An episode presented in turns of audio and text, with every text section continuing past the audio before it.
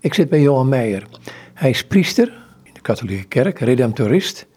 En, Johan, je bent archimandriet. Ja. Dat is de eerste die ik ontmoet in deze dubbele functie. Nou ja, archimandriet is natuurlijk geen dubbele functie. Archimandriet is een term uit de Oosterse kerken, die eigenlijk twee inhouden heeft. Namelijk overste van een klooster, dat is archimandriet. En je hebt een soort eretitel, wat vergelijkbaar is met het westerse monseigneur. Ik ben dus archimandriet in in de zin van die monseigneur, omdat men vond dat ik nogal wat gedaan had voor de Oekraïnse kerk, vooral na de wende, na, toen dat dus vrijkwam van het communisme. Want daar ben ik nogal actief geweest. Een keer of twintig ben ik dus in Oekraïne geweest en heb daar verschillende. En omdat mijn medebroeders daar zaten, had ik een goede entree. Heb er wat kunnen helpen, heb projecten opzetten enzovoorts. En op een gegeven moment, toen heeft de Oekraïns-Katholieke Kerk, dat is de kerk in Oekraïne, die dus uh, met Rome verbonden is, maar wel die Oosterse tradities volgt, die hebben mij toen benoemd tot archimandriet. Wat is nou, misschien moet ik teruggaan naar uw studie uw studietijd. Want u gestudeerd in het Vladimir uh, College of University in New York, uh, maar ook uh, Schneeman. Daar heb ik natuurlijk wel echt kunnen ervaren wat orthodoxie is en vooral wat, wat die Byzantijnse traditie is. want orthodoxie wordt gauw verstaan als tegenover katholiek of tegenover protestant. Terwijl daar eigenlijk heeft het niks mee te maken. Het is een bepaalde manier van kijken naar, naar dat evangelie van Jezus van Nazareth. En dat spelen. Ik herinner me een woord van uh, Smeeman. Dat hij zei tijdens het college. Ja, de orthodoxie, dat, de orthodoxe liturgie, dat is eigenlijk een keuken. Want je maakt water, je, maakt, je kookt water, je, je, je, maakt olie, je, het brood wordt gesneden. En eigenlijk is dat de uiting dat de hele wereld verlost is. De wereld is teken van het evangelie. Ja, dat klinkt allemaal wat erg theologisch en wat erg diep. Maar er zit wel een, een, een, een visie achter van van blijdschap, van, van uh, hoe moet je dat zeggen? We leven in een verloste wereld. Goed, maar mag ik daar een iets ondeugends zeggen, of ondeugends, iets reëels aan overzetten? Ik zie daar weinig van, als ik eerlijk ben. Als ik kijk naar de, de moeite die er is in, als ik nou Oekraïne al ga, naar het oostelijke gedeelte van Oekraïne, de pijn, het leed in de wereld, wat, wat bedoelen ze met een verloste wereld? Ja, dat is de pijn daar ben ik helemaal mee eens. Toen ik het net zei, toen dacht ik het zelf ook. Ik denk, het, het is het, wat je met de liturgie, als je daar bent, tijdens de liturgie, dan speel je eigenlijk een stuk wereld die helaas buiten die deuren er niet is. Maar die doet, moet natuurlijk wel voortdurend een beroep op je doen. En je moet er voortdurend bewust van zijn. Dat je, ik heb nu, als je nu kijkt daar in, uh, in het nabije oosten, die christenen daar, die vieren de liturgie, diezelfde liturgie. En toch komen ze dan even later komen ze in een, in een huis wat in elkaar gegooid is. Ja, het is het. Ik snap, ik snap soms niet dat je dus zeggen kunt: Ik volg Jezus van Nazareth. En je kijkt niet naar wat Jezus van Nazareth deed. Jezus van Nazareth veroordeelde niemand, maakte geen ruzie. Ja, ik zei waar het op stond. Maar als, als je zonder zonde bent, gooi dan maar de eerste steen. Nou, dat wij, dat, dat wij binnen de kortste keren weer opnieuw zo'n wettische godsdienst maken. En dat doet de Westerse kerk, dat doet de protestanten, dat doen de katholieken, dat doen de orthodoxen. Alleen moeten we daar steeds weer teruggeroepen worden om, ja, om te zeggen, ik zit hier fout. Ik moet, ik moet vrijkomen. Ja, ik weet het ook niet. Ja, u zegt, ik moet vrijkomen. Wat, wat, wat houdt het in? Ik moet vrijkomen van al dat wettische gedoe. Het is toch te gek dat wij als volgelingen van Jezus van Nazareth een systeem opzetten met een kerkelijk recht en met bepalingen wat veel verder gaat dan uh, welk wetboek ook. En dat doen katholieken en dat doen orthodoxen en dat doen protestanten volgens mij ook. Wij vergeten voortdurend waar het over gaat. Ja, dat zijn, eh, ik weet dat ik daarmee een uh, open deur in trap. Maar ik denk dat het, we moeten blijven herhalen. Pinksteren is niet voor niks Pinksteren. Pinksteren was dat, dat die apostelen dus even goed door elkaar geschud werden. En gezegd, nou gaan jullie doen wat je gehoord hebt, waar je van waar je drie jaar mee omgegaan bent, dan nou breng dat maar eens in de praktijk. En ga niet onmiddellijk een, een systeem bouwen. En maar, dan lijkt het wel, als, als ik u zo hoor, dan lijkt het wel of. Hè, ik ben priester gewijd, met een studie wiskunde gedaan. Um, Vladimir Instituut geweest, Vladimir Universiteit in, in New York. Maar dat zijn niet de kleinste jongens daar. Het lijkt of het een, een afbraakproces is dan. Naar wat wij eigenlijk niet moeten doen? Zijn we dan zo ongeneeslijk dat we niet kunnen zien wat Jezus wil? Of zijn we zo vol van onszelf? Of, of hoe moet je dit noemen? Ja, dat, ik denk soms dat het het laatste is, dat wij zo vol zijn van onszelf. Ik kan me niet, ik kan me niet voorstellen, en daar zit ik wel eens over te denken, die, die eerste gemeenschap van leerlingen. Toen die dus is gaan rondtrekken en op een gegeven moment krijg je dan die Ignatius van Antiochieën, die dan gaat bepalen hoe de liturgie moet zijn en wie er dus voor moet gaan. En dan denk ik, is, ben je dan al te ver? Ben je dan al aan het regelen wat niet geregeld moet worden? Soms denk ik dat je het antwoord moet geven, ja, dan ben je te ver. Maar ja, daarmee zet je het hele systeem van... Uh, Vaticaan, synode, zet je dan ondersteboven. Maar ik weet soms niet anders. In ieder geval wat ik ervaar als ik liturgie vier, dat is dat ik als het ware in spel, in spel over die pijnlijkheid heen stap. En, en ook, ook tegen mensen zeg mensen, wij hebben het goede met elkaar voor. We hebben haat en, en, oneenigheid hebben geen plaats hier. Je moet niet vragen van wat er mag en niet mag. Maar wanneer staat de ander in zijn zijn? Wanneer plaats je de ander in die vrijheid van die je zelf ook voor jezelf zoekt? Smema zei van, de wereld is als een keuken. Hè? Je, hebt alle ingrediënten zijn je gaat, je gaat maar aan het werk. Is dan de hele wereld, het heelal moet ik wel zeggen, onderdeel van die liturgie? Ja, dat is, dat is wel de, echte orthodoxe oeropvatting. Als bijvoorbeeld de bekende theoloog is Jan Ras, een filosoof-theoloog, die ik heb leren kennen toen ik daar woonde en werkte. En die zei altijd, alles is eucharistie. Alles is geroepen om lichaam van Christus te, te zijn.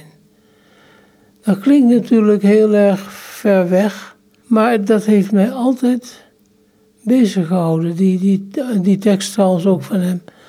Dat je zegt, ja, het gaat niet alleen, hè, dus in de Augustie, waar we ruzie over maken de, bij de katholieke protestanten en orthodoxen.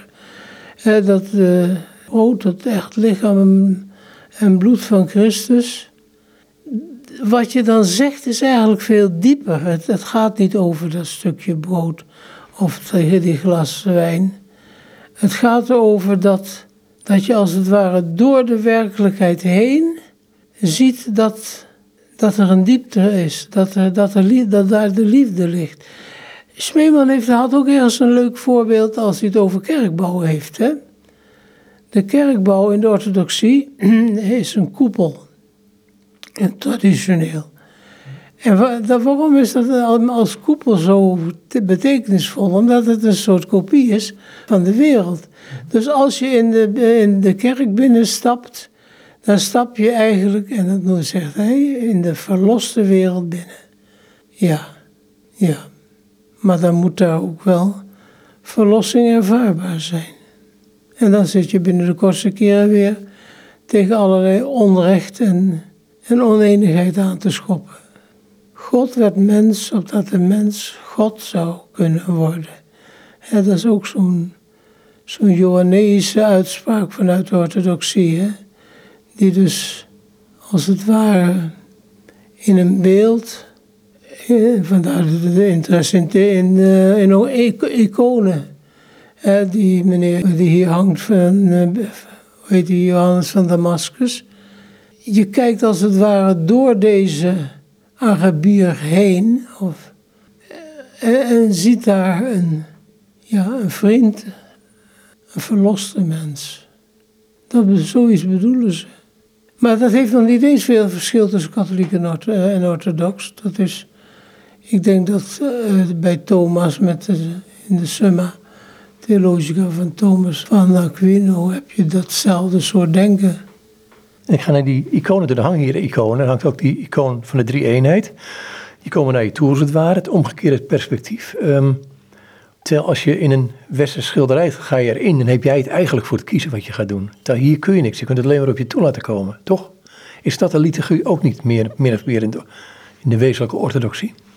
Ja, ik denk ook dat uh, het ook iets te maken heeft met de Romeinse manier van organiseren die de westerse liturgie bepaald heeft. Ik denk dat het, daarom noem ik het het spel. Hè?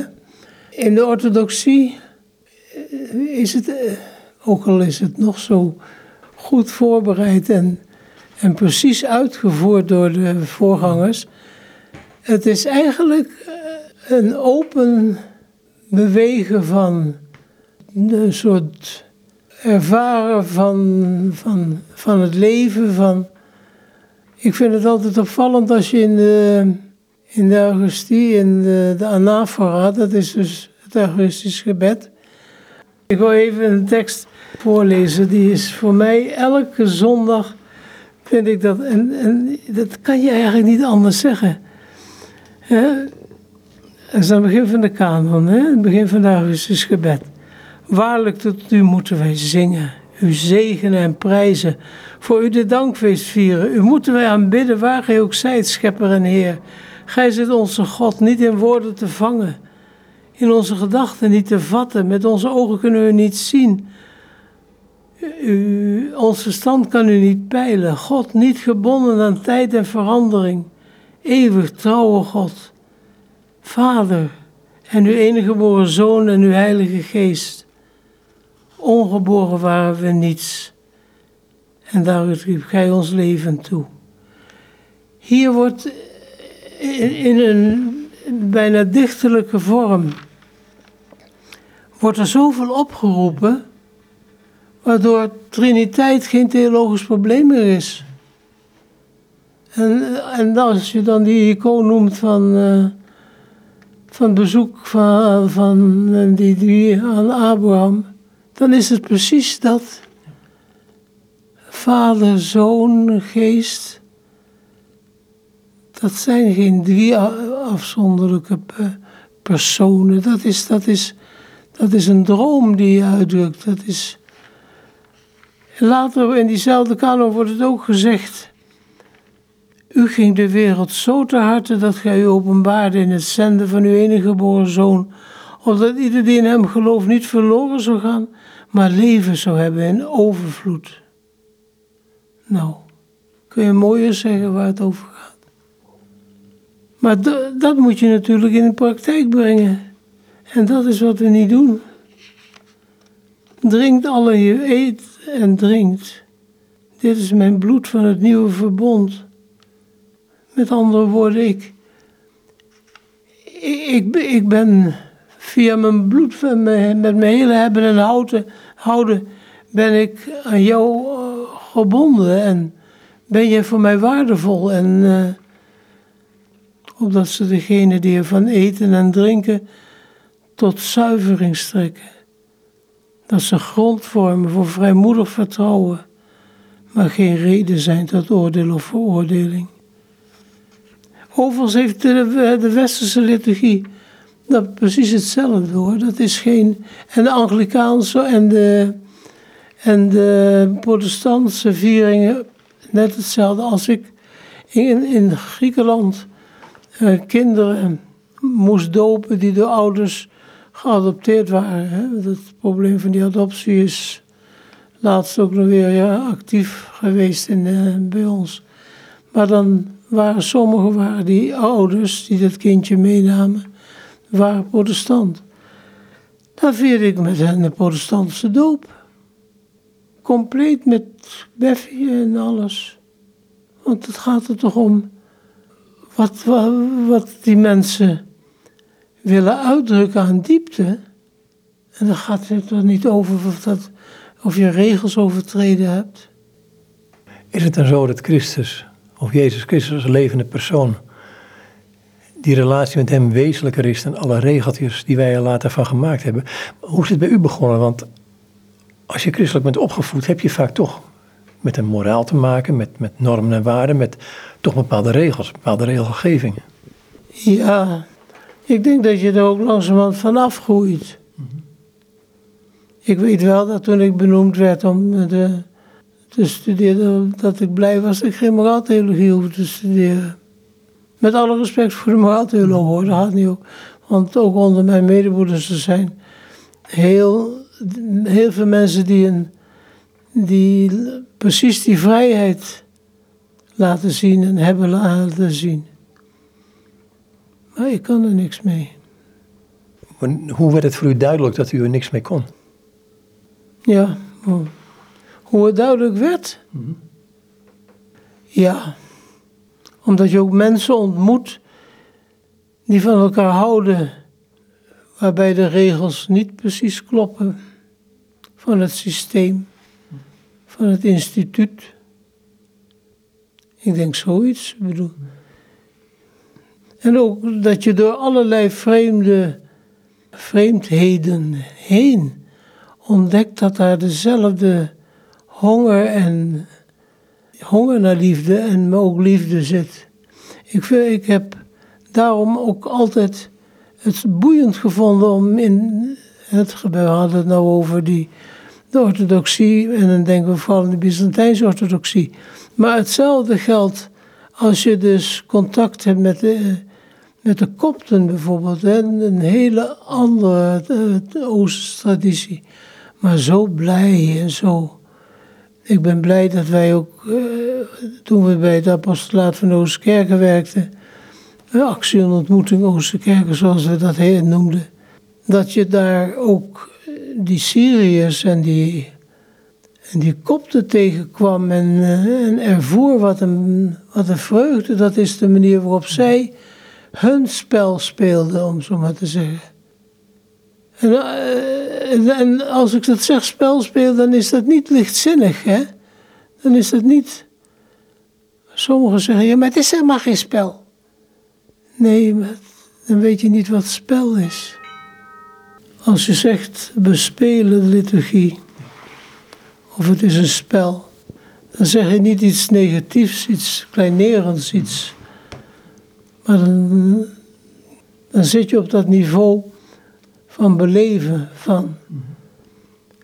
En dat is in, in de Oosterse theologie, de Johanneïsche theologie van, uh, die dus als het ware verwijst naar God, als dat wij groeien naar boven ons uit de mens is geroepen om God te zijn.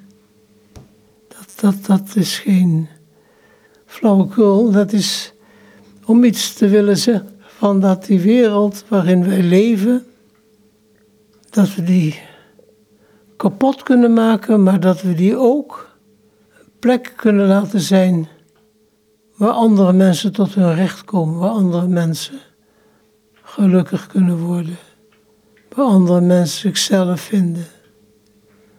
Ik heb nog een, een, tekst die ik hier. Uh, als je voor elkaar bidt, hè, geef dat we één van mond en één van hart uw heilige naam verheerlijken. Dat is, geeft precies die twee kanten weer van uh, liturgie. Eén van mond, dus dat betekent dat je dus uh, fijn samen zingt en samen viert. En één van hart betekent dat je dus naar elkaar open staat. En uh, ik vind bijvoorbeeld uh, de, de vertaling, heb ik het laatst had ik er met iemand over. In de Westerliturgie, dan zeg je Dominus vobiscum, de Heer zij met u. Hm? En dan werd eerst gezegd, de Heer zal bij u zijn. Hè? En op een gegeven moment werd er gezegd, nee dat mag niet. Je moet zeggen, de Heer is met u. Hè? Dan denk ik, wat is dat toch voor een rare discussie? De Heer zal bij u zijn, dat is toch ook waar je eigenlijk een wens uitdrukt. En kan mij het schelen of dat nou precies de vertaling is van het Latijnse Dominus Vobiscum. Eh, ik zou zelfs zeggen, Dominus Vobiscum betekent de Heer met u. Nou, zoek het maar uit. En wat je ervan maken wil, er staat geen werkwoord bij. Dus wij hebben de neiging om dat evangelie van Jezus, om daar niet verwonderd voor te staan. Verwondering is dat wat eigenlijk de basishouding is. We zijn steeds verwonderd.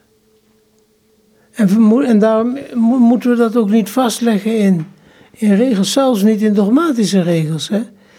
Ik vind het interessant, hoe is men gekomen tot die uh, triniteitstheologie, zoals die op een gegeven moment is geformuleerd in dogmatische termen, dan hadden we straks, zoals we dat zeiden, in die kanon, hadden we het veel duidelijker. Daar werd het als verwondering uitgedrukt. Daar gaat het over. En daar maakt Oost en West geen, geen verschil. Dat hangt samen met, ja, met je cultuur. U had het straks ook over dat je dingen als kind geleerd hebt. Ja, dat, dat kan je blokkeren en dat kan je ook rijker maken. Als je ouders, als die een huis en een warmte bieden, dan kun je zelf een warm kind worden. En anders dan, zonder dat je het wil, zonder dat je het eigenlijk wil, word je een kreng. Wat is nou voor u een reden geweest om ook die orthodoxie te omhelzen? Want u was katholiek, als priester opgeleid. En toch op de andere manier is die fascinatie voor, ik noem het even, de, de katholieke orthodoxie in de Oekraïne gekomen. Wat waren daar van die, van die, van die trekkers in? Van die, van die momenten die van nou dit, ja, eh, waarschijnlijk niet onder woorden te brengen, maar goed, ik probeer het. Ik denk precies waar we het over hadden, dat je toen ik de eerste keer met mijn vader bij die eh, kerk was in, uh, in, de, in de Westerstraat in Amsterdam, toen was ik onder de indruk van die, dat mooie, dat, die, die zang die je sprak toen, dat was overigens natuurlijk in Duits-Slavisch. Maar ja, je werd, je werd een gevoelige snaar werd aange... Want het is soms, ik heb het wel eens als ik nu tegenwoordig de westerse liturgie voor moet gaan, dat ik het zelf wat koud vind.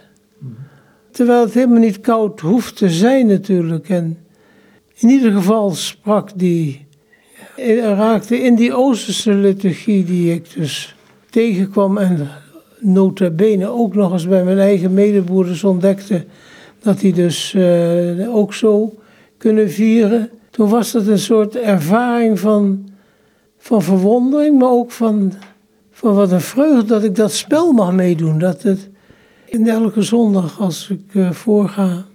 Maar precies wat ik ben ook niet orthodox, hè? Dat hoef ik niet te zijn. Want orthodox en katholiek en protestant, het, is, het zijn allemaal pogingen om het evangelie van Jezus van Nazareth gestalte te geven. Bij de een lukt het meer dan bij de ander. Ik bedoel, niet, door de lijnen heen. Hè. Ik was laatst, toen uh, prins Philip gestorven is, zag ik die, uh, die dienst op de televisie. Nou, dat was ook, dat, dat deed mij goed.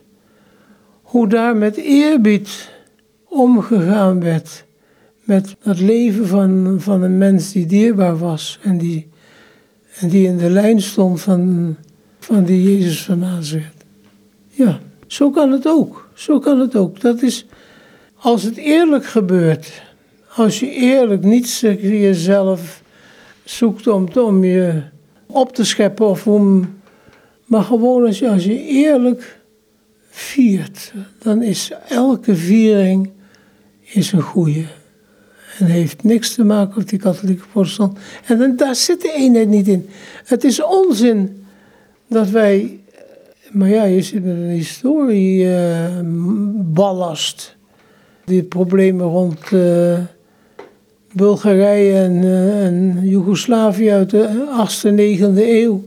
Hoe dat kerken gespleten heeft. Terwijl de mensen nu, als je dat tegen hun zou zeggen, zouden ze het niet eens weten. Ten tweede eh, is dat natuurlijk helemaal niet van belang. Maar het is wel zo dat je een blokkade oproept om dat evangelie gestalte te laten zijn. Ik begrijp ook niet zo goed waarom op het ogenblik, ecumenisch op het ogenblik niet zo in. Hè? Maar misschien is het ook goed dat het niet zo in is, omdat men zegt: het is, we, zijn één. Als we dus, het zit hem niet in de uitleg van, van het filioque of in de uitleg van wat je onder Triniteit verstaat. Het zit hem in dat mensen gegrepen worden door die vrijheid van die ander, die dus zei, en die wetten, God is geen boeman. Het gaat om vrede, luisteren naar elkaar, Geef elkaar de kans. Dat deed hij. Goh, was je er niet bij toen die, die vrouw die er bij hem kwam op Sabbat. Die kreeg de schuld dat ze op Sabbat bij hem kwam. Nota bene, je maakt toch op Sabbat ook je ezel los? Wat ben je nou toch mee bezig? Nou, dat is, daar gaat het over.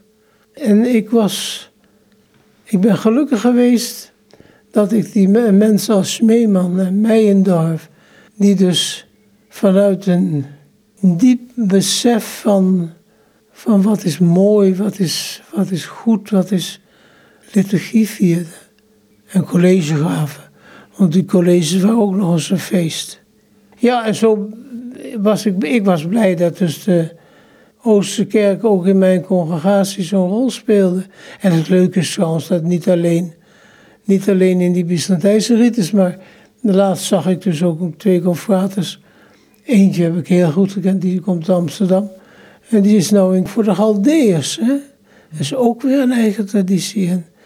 Nou, dat joch, dat is... We lachen wel eens, eh, omdat hij er soms als een pasja uitziet. Maar, maar dat is eentje die dus compleet uh, toegewijd is aan die mensen. En in die rotsituatie daar in... Eh, in Syrië en eh, een stukje evangelie laat zien. Nou, geweldig gewoon. Nou, daar gaat het over. Moet je daar de moed hebben om de ander ook anders te laten zijn? In, die zin, dat wij op Christus gefocust zijn, Jezus van Nazareth. Ja, laat ik die vraag anders stellen. Hoe, hoe is dat op Jezus gefocust te zijn en Hem te volgen? Hoe is het om op Hem gefocust te zijn? Ja, het, maakt je gelukkig. Soms denk ik wel eens wat, wat, wat idioot dat niet iedereen het door heeft. Ik wil niemand pijn doen, maar ik vind soms sommige tradities, als ik daar zie, hoe mensen daar de traditie belangrijker vinden dan wat ze met die traditie willen zeggen, dan denk ik, ze hebben van Jezus van Nazareth niks begrepen. En van de andere kant denk ik soms ook wel eens, wat is het toch eenvoudig? Wat is het toch eenvoudig? En dan, kan ik heel veel van die theologie, ook van de Bijbelwetenschappen, daar is natuurlijk heel veel literair gegeven bij, om zo maar te zeggen. Het gaat over wat is de boodschap? Wat, wat, wat betekent het voor de mensen? Dat wil het ook voor mij betekenen. Daar zoek ik naar.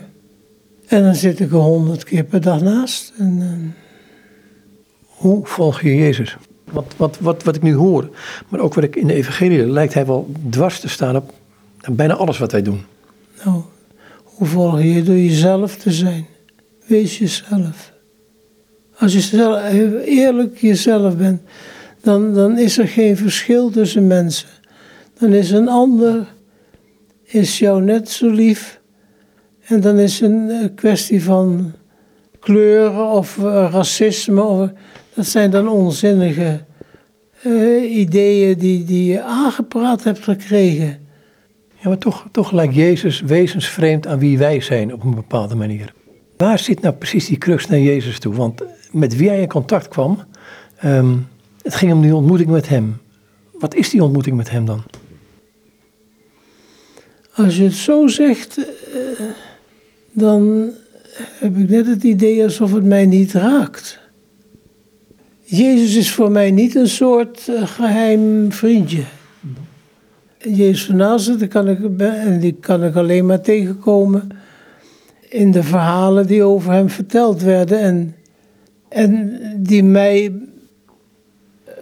bemoedigen en, en aanzetten, hoe moet je dat zeggen, en opjutten, of nee, opjutten is het woord niet, maar als het ware net als wat ik zei met Pinksteren, wakker schudden en zeggen, kijk, zo wil ik ook zijn. Hè? Ik bedoel, ik, ik, wil, ik wil graag wil ik, voor mensen openstaan. Vandaar dat het goed is dat je dus, als je dus liturgie viert, uh, dan heb je uitdrukkelijk gekozen om op dat moment die figuur van Jezus van Nazareth een, uh, een plaats te geven. Maar verder door de dag gaat het erom dat je dus dat je gewoon jezelf bent. En, en hoogstens als een soort, uh, dat als ik dan bij de buren de ruit ingooi, dat ik dan uh, me bewust ben dat dit niet de manier is waarop ik met mensen om moet gaan.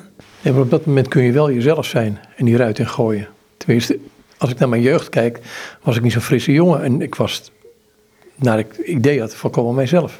Ja, maar dat ik ook heb laatst al verteld. Wij deden met, pijl, met pijl en boog in Amsterdam. stonden op, in, op, op het Mercatorplein, stonden we op het tramhuisje. En dan schoten we met de pijlen en boog, schoten we dan naar binnen hè, als de ramen open stonden. Maar ja, op een gegeven moment moest je daar aanbellen, want dan was je je pijlen kwijt en die moest je toch weer terug hebben. Dus dat was dus, ja, dat is kattenkwaad. Dat is natuurlijk eigenlijk meer, dat, dat is volgens mij geen criminaliteit. Dat is, dat is ook spel, dat is omgekeerde liturgie. Maar ik probeer toch een beetje te voelen, wat is, Jezus kwam, zodat, hè, wat, dat is eigenlijk wat hij zegt, eh, doe het werk van God, het is eigenlijk in hem geloven. Meer zegt hij er niet over. Toch? In Johannes, een van de hoofdstukken van Johannes. Ja, wees goed voor elkaar. Ja, ik, denk, ik denk dat het dat, dat, dat, uh, meer niet hoeft te zijn. Als ik naar de, de orthodoxie ga, aan het begin van het gesprek, dan is, het, dan is deze hele wereld een, liturgie, een onderdeel van die liturgie. Waar Christus zich aan verbindt. Als ik Colossense goed lees, ik citeer Paulus, ik ben geen goede, ik ben niet goed te citeren moet ik zeggen. Dus hij zou ook op een gegeven moment eh, deze hele schepping met zichzelf verzoenen met Christus. Dan denk ik, nou, um, het gaat dus om meer dan alleen maar uh, een kerk. Ja, het gaat, het gaat helemaal niet om een kerk zelfs. ik vind het jammer dat het kerk geworden is, om zo maar te zeggen. Ik vind het voorbeeld, in ieder geval eh, wat, eh, zoals Jezus uit de evangelie naar voren komt, is het iemand die zich verzet tegen een godsbeeld waar, een, waar God een boeman is. Die zich verzet tegen een wettisch denken waar hij vragen bij stelt. En hij stelt ook vaak alleen maar vragen. En geeft vaak niet eens een oplossing. Hij zegt, ik oordeel ook niet. Franse filosoof Jacques Ellul, die zei dit. Um, op een gegeven moment komt de menigte naar Jezus toe. En Jezus was met ontferming bewogen. En die zegt bijna dit. Um, het enige doel van de menigte was op dit moment om Jezus te ontmoeten. Voor de rest niks. Het ontmoeten van sommige mensen, dat doet je goed. Omdat je in die mens dan een soort authenticiteit ontmoet. Ja, breng dat maar zonder woorden, dat is... Maar eh, zoiets kan het natuurlijk, eh, is het ook, hè? Ja, ik ook een beetje naar de liturgie toe van Schmeeman en Meijendorf. Um, want daar gebeurt hetzelfde wezen.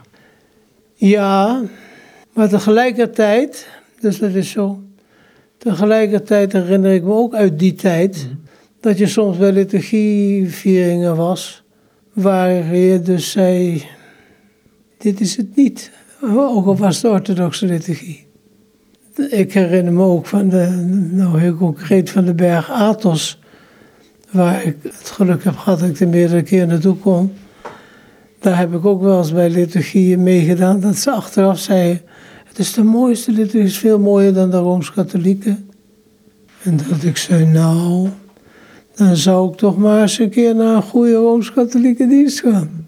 Maar waar zit hem dan in? Want dan is er iets bovenredelijks, ja, buitenredelijks. Onder andere in slordigheid. Is, helaas is er ook bij de orthodoxie, dat zal bij de Rooms-Katholiek ook wel zijn. De Rooms-Katholieke liturgie is in, in zekere zin, heeft te weinig beweging om slordig te, te kunnen zijn. ja, dat, eh, maar, maar ik wil niemand beledigen, maar het kan soms nogal saai zijn. want, maar uh, trouwens ook de liturgie van, uh, ook bij de protestanten. Maar bij orthodoxie, daar loop je nogal rond en er wordt nogal wat rondgelopen. Maar ik heb ook wel in, in Bosnië liturgie meegemaakt dat ik dacht, no, no, no, no. Of zelfs in Griekenland. Als je op Goede Vrijdag een kerk binnenkomt en daar staat de pastoor, die staat op een ladder lampjes schoon te maken en onderwijl de vespers te zingen, dan denk ik, nou, dit is niet de liturgie van Smeeman. Maar ga je dan toch ongemerkt te veel nadruk leggen op de vorm en de schoonheid van de vorm in plaats op de inhoud? Want het kan wel degelijk zijn dat dat lampje schoonmaken en de vespers zingen enorm veel waarde had op het moment. Ik denk dat eh, daar ook door elkaar gegooid werd. Bij die, hè? Mm. Dat die man had helemaal niet op gerekend dat er überhaupt iemand bij kwam. Mm. Wij kwamen toevallig binnen. Hè? Er was verder niemand in de kerk. Hè? Dus, maar hij, het was wel weer, wel weer Goede Vrijdag en uh, die lampjes moesten natuurlijk aan. Dus datzelfde heb ik, zoiets heb ik ook eens meegemaakt bij een liturgie in Bosnië waar de priester ook op, op dat moment op een plek was waar hij helemaal niet hoorde te zijn en eh, wat hij aan het doen was, hoorde ook niet, dan is het gewoon slechte liturgie. Ik bedoel, dat, ik denk dat er is eh, ook liturgie en Smeeman en Mijndorf zullen dat ook toegeven. Eh, dat spel heeft wel een spelregel. Waar ik heen wil eigenlijk is dit, wat hij in het begin zei, die vergelijking met die keuken. Dat is nog wat anders. De, dus, dus de liturgie, de orthodoxe liturgie, dat heeft mij dus ook getroffen. Dat is dat er dus met heel de schepping omgegaan wordt. Hè? Wat ik straks zei van, ehm, van Jan Ras, die zei... Nee, de hele wereld is geroepen om Augustie te zijn. Om, hè, om, dat zit erin. Dus, en, en dan is het natuurlijk beeldrijker als je zegt... De, de oliewijding op, op Witte Donderdag. Hè? Als je die vergelijkt tussen de Westerse en de, de Romeinse rites en de Byzantijnse rites. In de Byzantijnse rites dan wordt daar dus die olie die wordt gemengd met een heleboel soorten olie en met een hoop soorten kruiden. En dat gebeurt allemaal zichtbaar, waardoor je zegt, wat is dat die olie is niet niks. Dat is, het, spreekt me ook aan als, als een schepsel wat nu gaat functioneren bij een viering van de doop. Terwijl de westerse liturgie, die zegent, grof gezegd, alleen maar een paar kannen met olie. En die staan er, daar gebeurt verder niks mee. Die worden wel weer gebruikt later bij... In de, viering van de doop of een andere. Maar snap je, dat is het verschil met uh, liturgie in het Westen. Dat is de liturgie in het Westen is een soort, een soort uitleg van het evangelie. Terwijl het Oosten speelt het evangelie. En dat heeft ook iets te maken met die Johannese manier van, van doen. Hè? De wereld is geroepen om God te zijn. Dus dat die op, dat op, hè, op stijgende. Dat is wat anders als uh, dat ik het alleen mooi verklaar. Zelfs als ik het mooi verklaar in poëzie. Want ook, dat is dus een andere kant. Er zijn ook theologen en ook liturgisten, die dus uh, heel duidelijk laten zien hoe, hoe poëzie een, uh, een element van die verwondering is. Hè? Denk maar eens. Huub Oosthuis, dat, dat is niet voor niks dat, die, uh, dat zijn liederen zo bekend zijn geworden. Hè? Omdat hij dus in zijn taal iets kon Ik vind dat zelf al nog altijd een van de mooie termen als je het over kerkgebouwen hebt. Hè? Het is een dak boven wat hoofden. Hè? En dan nog een, een dak boven? Wat hoofden. Een dak boven wat hoofden, ja. Dat is een lied van uh, Huub Oosthuis. Hè? Ik ken het helaas niet van buiten. Maar anders kon ik het zingen. Maar ik kan wel Maar dat is, dat is eigenlijk, als de orthodoxie zegt, een, een koepel boven je. Hè? Met sterretjes, zoals er bij Grieken vaak is, hè, het. Ja, hier zijn wij in Gods huis. Eigenlijk zeg je precies hetzelfde in, in dat gedicht van het Boosthuis. Je zegt, je zegt meer in met, met die koepel, want het is, het is toch ook een beeld van dat je in die totale schepping staat. Ja, nou nee, er zit ook een beetje achter dat de wereld gescheiden is in, in verloste delen en onverloste delen. Hè? Dus van die kant kun je ook commentaar hebben op die opmerking van, van Smeeman rond de kerkwijding.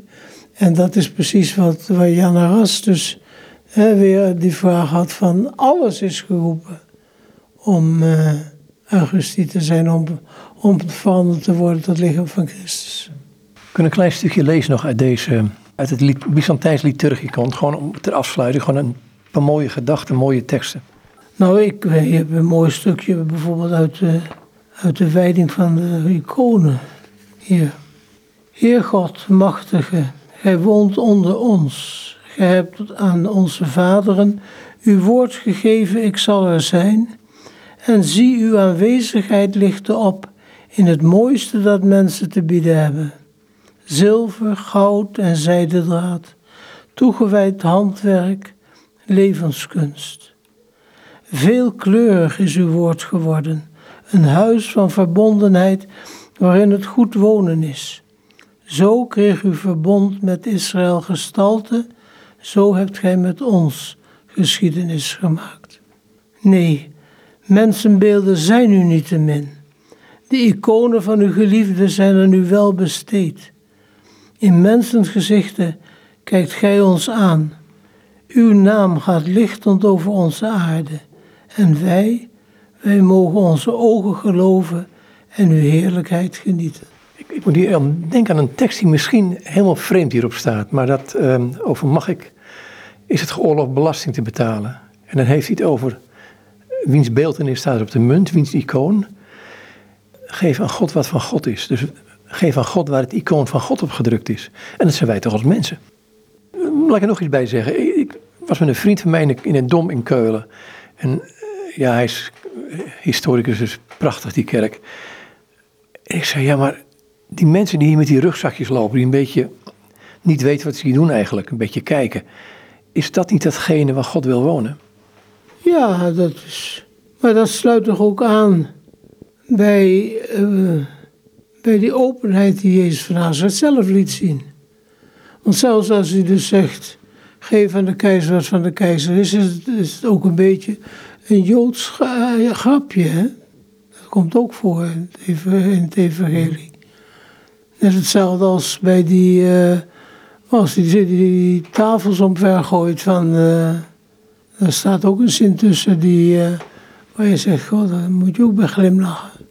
Als hem gevraagd wordt, van met, met welk gezag doe je dat? Dan, zegt, dan geeft hij geen antwoord, maar dan zegt hij, en je hebt er een bende van gemaakt. Hè? Hoe eindigt dat gebed? Met eerbied kijken we op naar hen die uw gestalte vormden in ons midden, uw heilige. Zij gingen ons voor, stralend levend, doende gerechtigheid.